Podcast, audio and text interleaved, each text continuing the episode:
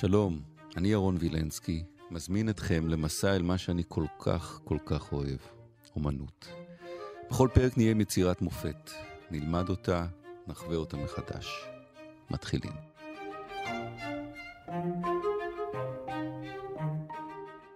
חוזרים אל אה, רמברנדט, ותמיד טוב לחזור לרמברנדט, כמה שיותר ממנו. דוקטור אפי זיו, אה, סופר ומרצה לתולדות האומנות, שלום. ערב טוב. משתה בלשצר. צריך להגיד בלשצר, בנו של נבוכדנצר. כנראה, כן. זה שהחריב את בית המקדש. ובזז וה... את כל תכולתו. ובציור כאן מופיעים גם כלים מתוך כנראה בית המקדש שלנו שלקחו לשם. ומהו האירוע הזה שאנחנו רואים כאן את uh, בלשצר באמצע עם ה... בלשצר פונה בתדהמה, בהפתעה לשמאלו, כי הוא רואה יד שכותבת כתובת על הקיר. הכתובת מוארת, והכתובת, לה... להפתעתנו, יש בה אותיות עבריות, אבל קצת קשה לקרוא אותן. ונשאלות כאן שתי שאלות מאוד, מאוד מעניינות. אחד, מאיפה ידע רמברנדט לכתוב אותיות כל כך יפות, כל כך מדויקות, בעברית? הוא לא ידע הוא עברית. הוא העתיק. מאיפה? אה, ספר, שנייה, אה, היה לו חבר. מה כתוב פה? כתוב כאן ממטוס ננקפי אלארן.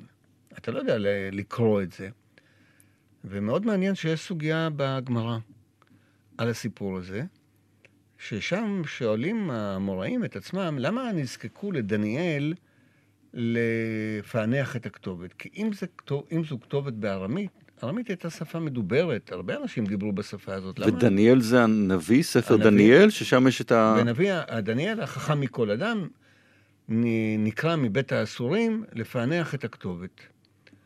ואחד התירוצים, אחת התשובות בסוגיה הזאת המעניינת בגמרא, אומרת שהיה כתוב שם ממטוס ננקפי אלארן, בדיוק מה שאתם רואים כאן בתמונה. אם תגדילו אותה, זה מה שאתה רואה. נכון.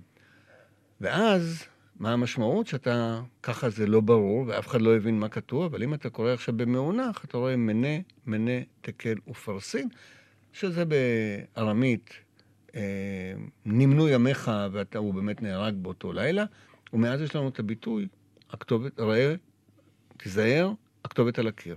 משם זה בא. משם זה בא. עכשיו... אבל בעצם נחזור... הכתובת הזאת אומרת לו בשפה שלנו, זמנך עבר. כן, פג, זהו. תוק, פג תוקפך. אבל פה אני שואל את השאלה, אז מאיפה רמברנדט? מה, הוא למד גמרא גם? מתברר שממש באותה תקופה, הוא היה חבר בכלל של יהודים באמסטרדם. הרב מנשה בן ישראל כתב ספר בפלמית, לא בעברית, ויש שם משבצת עם האותיות האלה בדיוק כפי שהן כאן. ממטוס ננקפי עליהן, כי הוא מתעסק בסוגיה הזו. דרך אגב, עותק מן הספר הזה נמצא בבית הספרים הלאומי בירושלים. וואו. והוא פשוט אומר לו, אה, מתברר שרמברנדט, כל יצירה שהוא עסק בה בתנ"ך, הוא בא להתייעץ, לשמוע, להתעניין. הוא מאוד מאוד העמיק ב- לפני שהוא התחיל את הציור. ואז הוא העתיק ממנו את האותיות. יש כאן טעות אחת קטנה. הוא מראה כאן את היד אה, נוגעת באות האחרונה שצריכה להיות נון. למה היא לא מוארכת? כי הוא רוצה להדגיש שהוא עדיין כותב את האות הזו, mm. אבל הוא קצת הזיז את הכותרת של האות נון נכון. והפך אותה לאות זין. זו נכון. הטעות היחידה. כי צריך לחשוב, כל הצעירים שציירו אותיות עבריות הרי לא ידעו עברית. הם לא ידעו שאם אתה קצת מעגל את האות מ' סופית, יוצאת לך אות ס'. או מה זה חשוב אם אתה קצת מעריך את האות ו' ויוצא לך ר', או מה ההבדל בין ב' לכ'? מי שלא מכיר את השפה לא יודע שיש לזה משמעות. פה, למעט האות האחרונה, הכל כתוב בצורה מדויקת. וכשאנחנו משווים בין היצירה הזו, שהיא אחת המושלמות מבחינת הכתב העברי, לבין הרבה יצירות אחרות שבהן יש כתב עברי, אתה רואה את ההבדל. אתה רואה שפה מישהו עשה שיעורי בית. הוא עשה שיעורי בית מאוד מאוד מעמיקים. הוא גם מנסה לתאר את כולם מופתעים. שים לב שבלשצר מסתובב בפתאומיות שמאלה, מושיט את ידו השמאלית. תראה את העין שלו, כמעט יוצאת מהמקום. העיניים יוצאות מחוריהן, והוא ביד השמאלית נתן כנראה מכה לאישה הזו אה, מימינו. וה... שים לב, והיא שופכת את היין ויוצרת לה כתם על, ה... על השרוול. נכון, אתה רואה נכון, את נכון, השרוול נכון. האדום שלה וכתם מהיין, שזה הטעם מול עינינו המשטרות, הוא נשפך על היד ויוצר את הכתם. או האנשים מצד שמאל, תראה את הפיות שלהם. פיות פעורים, כמו שאנחנו אומרים. אז איך האישה הזאת השמאלית בכלל לא, לא מזיז לה? יש פה אחת ש... לכולם. לא, יש פה אחת של... אתה לא רואה, אתה לא רואה אותה מופתעת, אבל תראה אותו, תראה אותה. כן, הם כן.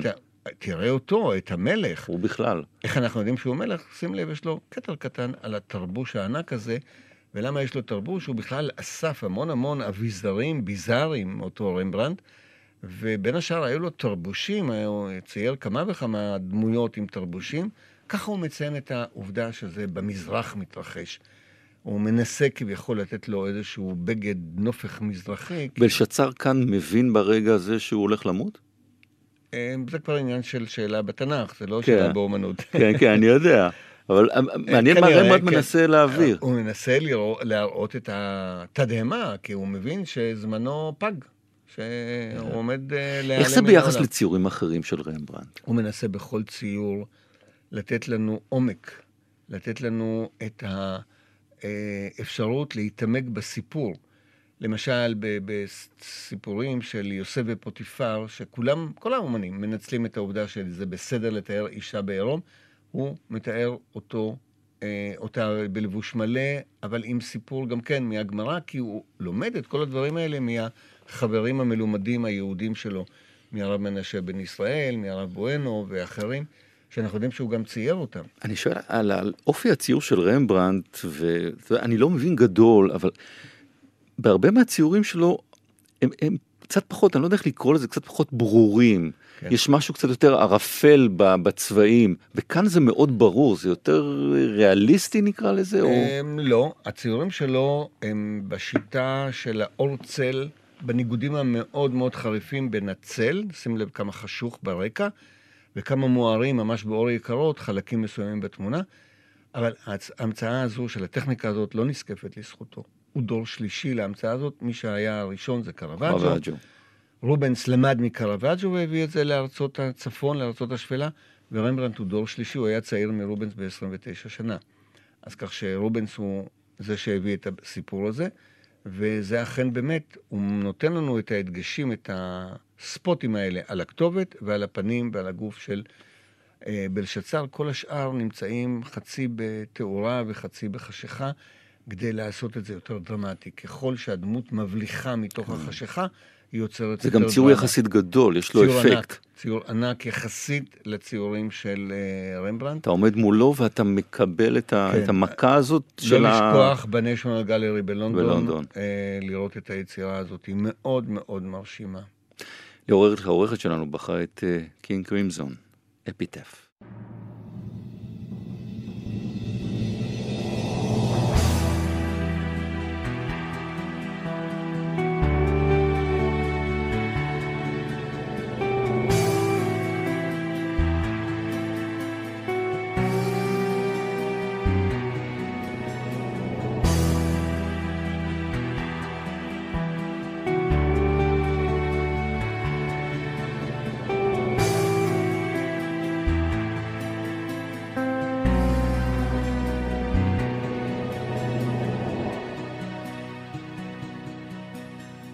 the wall on which the prophets wrote is cracking.